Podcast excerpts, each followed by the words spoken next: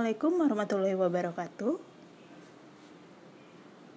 Perkenalkan saya Nuti Agustina dari Unit Sekretariat Barembang, peserta Latsar CPNS golongan 2, angkatan 55 dari kelompok 2. Untuk podcast kali ini, saya akan membahas mengenai perubahan. Apakah yang dimaksud dengan perubahan? Perubahan adalah sesuatu yang tidak bisa dihindari dan menjadi bagian dari perjalanan peradaban manusia. Ada sebuah pernyataan mengenai perubahan. Bunyinya adalah perubahan itu mutlak dan kita akan jauh tertinggal jika tidak segera menyadari dan berperan serta dalam perubahan tersebut. Dari pernyataan tersebut, dapat disimpulkan bahwa mulai saat ini kita harus bergegas menentukan bentuk masa depan. Jika tidak, maka orang atau bangsa lain yang akan menentukan masa depan bangsa kita sendiri. Perubahan yang diharapkan terjadi bukannya sesuatu yang berbeda saja, namun lebih daripada itu. Perubahan yang diharapkan terjadi adalah perubahan ke arah yang lebih baik untuk memberikan manfaat tentunya bagi umat manusia.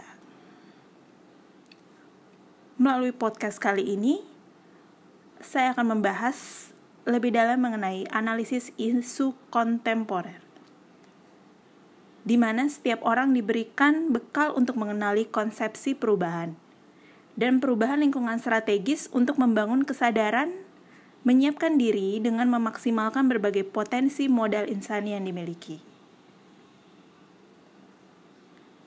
Selanjutnya diberikan penguatan untuk menunjukkan kemampuan berpikir kritis dengan mengidentifikasi dan menganalisis isu-isu kritikal melalui isu-isu strategis kontemporer.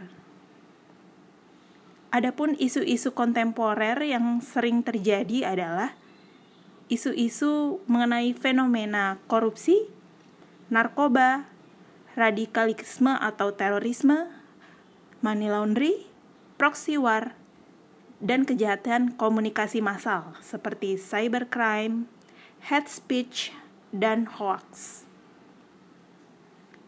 Contoh yang sekarang sedang beredar adalah mengenai korupsi.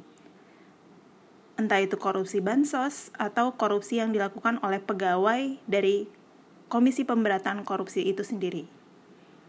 Lalu ada narkoba di mana akhir-akhir ini ada beberapa polisi yang seharusnya menangkap pengedar narkoba atau pemakai narkoba malah terlibat dalam pengedaran narkoba itu tersebut sendiri. Selanjutnya ada terorisme, itu ada mengenai OPM atau Papua yang sedang hits pada saat ini. Dan e, banyak lagi kejahatan-kejahatan seperti cybercrime, yaitu adalah pembulian di sosial media.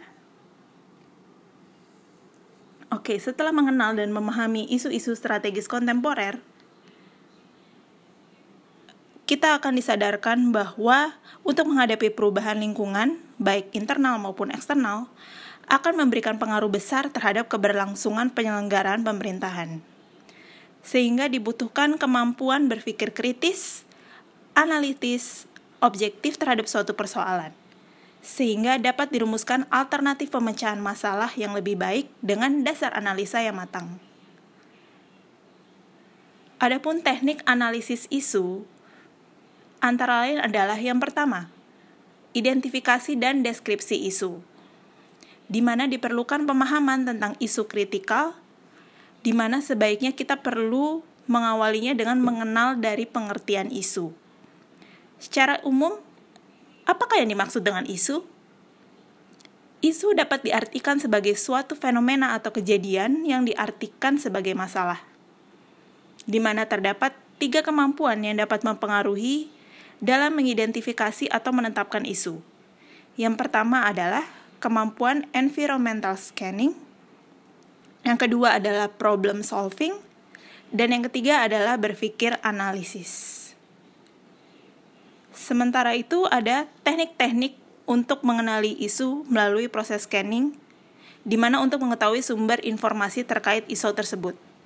Yang pertama adalah media scanning, yang kedua adalah existing data, yang ketiga adalah knowledgeable others, keempat adalah public and private organization, dan yang terakhir adalah public at large.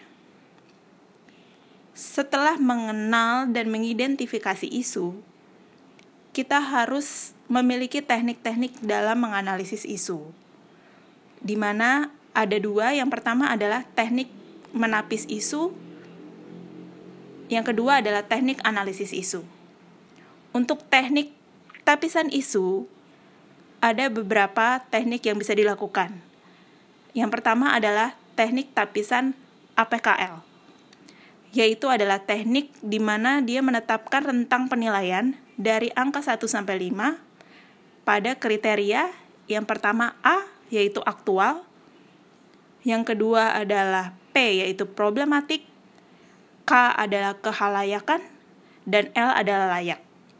Di mana aktual adalah isu tersebut benar-benar terjadi dan sedang hangat dibicarakan dalam masyarakat. Sedangkan problematik adalah di mana isu tersebut memiliki dimensi masalah yang kompleks. K. Kehalayakan adalah isu yang menyangkut hajat hidup orang banyak. Dan layak adalah di mana isu tersebut termasuk masuk akal, realistis, relevan, dan dapat dimunculkan inisiatif pemecahan masalah. Lalu untuk teknik tapisan isu yang kedua, biasanya dikenal dengan USG, USG adalah U, urgensi, di mana seberapa mendesak suatu isu harus dibahas, dianalisis, dan ditindaklanjuti. Yang kedua adalah seriousness, di mana seberapa serius suatu isu harus dibahas dan dikaitkan dengan akibat yang akan ditimbulkan. Yang terakhir adalah G, growth, yaitu seberapa besar kemungkinan memburuknya isu tersebut jika tidak ditangani dengan segera. Selanjutnya untuk teknik analisis isu, dibagi menjadi beberapa teknik. Yang pertama adalah mind mapping. Mind mapping adalah teknik pemanfaatan keseluruhan otak dengan menggunakan citra visual dan prasarana grafis untuk membentuk sebuah kesan. Di mana teknik mind mapping ini merupakan teknik mencatat tingkat tinggi yang memanfaatkan keseluruhan otak, yaitu otak kiri dan otak kanan di mana teknik dari mencatat yang baik itu harus membantu mengingat informasi yang didapat. Selain dapat meningkatkan daya ingat terhadap suatu informasi, mind mapping juga mempunyai manfaat lain. Contohnya yang pertama adalah fleksibel, yang kedua adalah dapat memusatkan perhatian, yang ketiga adalah meningkatkan pemahaman, dan yang keempat adalah menyenangkan. Selanjutnya, teknik fishbone diagram. Teknik ini hampir mirip dengan mind mapping. Tapi pendekatan fishbone diagram ini berupaya untuk memahami persoalan dengan memetakan isu berdasarkan cabang-cabang terkait. Di mana untuk uh, fishbone diagram ini lebih menekankan pada hubungan sebab akibat. Yang ketiga adalah analisis SWOT di mana analisis ini bertujuan untuk mengidentifikasi berbagai faktor secara sistematis untuk merumuskan suatu strategi.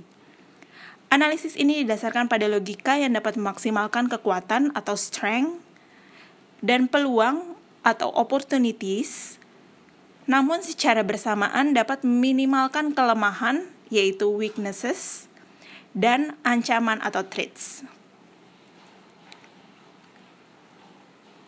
Adapun tahapan analisis SWOT tidak dapat dipisahkan dari proses perencanaan strategik secara keseluruhan.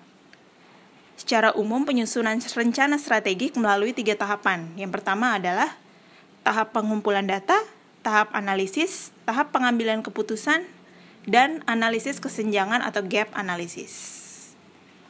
Demikian podcast kali ini mengenai analisis isu kontemporer dan dapat disimpulkan bahwa kita harus memiliki kepekaan dan kepedulian serta bersedia memberikan kontribusi nyata dengan mengembangkan kemampuan berpikir kritis dan kreatif dan inovatif dalam menghadapi berbagai isu kontemporer yang dapat berpotensi menimbulkan AGHT terhadap keutuhan dan kedaulatan NKRI sebagai wujud dari upaya bela negara. Demikian, sampai bertemu lagi di pembahasan selanjutnya. Terima kasih. Saya Nuti Agustina mohon pamit. Assalamualaikum warahmatullahi wabarakatuh.